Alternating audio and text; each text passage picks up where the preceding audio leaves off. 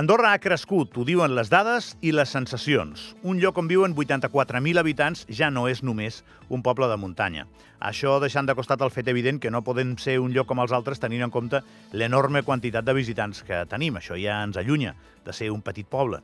Però tot i això ens equivocaríem si volem equiparar del tot eh, Andorra amb les grans ciutats i sobretot si volem equiparar alguns debats d'Andorra amb els debats que tenen les grans ciutats. Al final, per segons quines coses, sí que continuem sent petits, continuem sent petits. I això es nota molt en com les persones són fonamentals, decisives, perquè alguns projectes importants al país tirin endavant. La frase diu ningú és imprescindible. I a grans trets es pot donar per bona, però baixant al detall, molts cops és una mentida grossa com una catedral de gran. No fa massa, el secretari general de l'ús de Gabriel Ubach admetia, i era sincer i honest, en aquests micròfons que el dia que plegui ell, el sindicalisme andorrà patiria una sotregada important. No va ser un acte de supèrbia. Ubach el que feia era una anàlisi. Porta més de 20 anys amb el tema en una tasca que no és remunerada. Per una banda, a ell li agrada això, si no, no s'hi passaria tants anys, i per l'altra, cada cop que més o menys ha albirat la possibilitat de tenir un substitut o substituta, ha vist com els hipotètics aspirants s'anaven amagant fins quedar amagats o amagades darrere una cortina.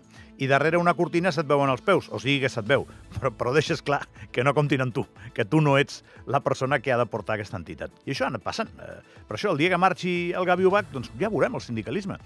Tan bèstia és, sí, és, és així, eh? APAPMA va ser una entitat pionera en despertar la consciència social sobre temes mediambientals a Andorra. Combativa quan ningú no ho era. APAPMA va aconseguir posar contra les cordes els polítics en més d'una ocasió, jugant el paper de contrapoder que els ecologistes han jugat i juguen en la major part de països del món. Però ara l'entitat està més vegetativa que una altra cosa, i no precisament perquè els debats sobre la preservació del medi ambient s'hagin acabat. Al contrari. Però les persones, per mantenir l'energia de l'entitat, sempre les persones, no acaben d'aparèixer. Potser ho faran, però potser no. Això passa. I si no ho fan, doncs fins aquí. I no serà el primer cop, eh, no, no serà ni tampoc el primer ni el darrer, que això passa a Andorra.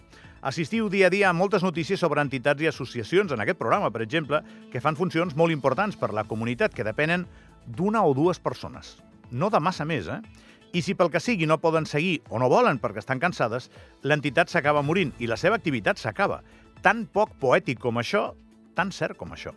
La sort que hi és que la major part de les persones que s'involucren altruistament en projectes de cooperació culturals són, a banda de compromeses, molt resistents. I per això moltes entitats segueixen funcionant durant molts anys.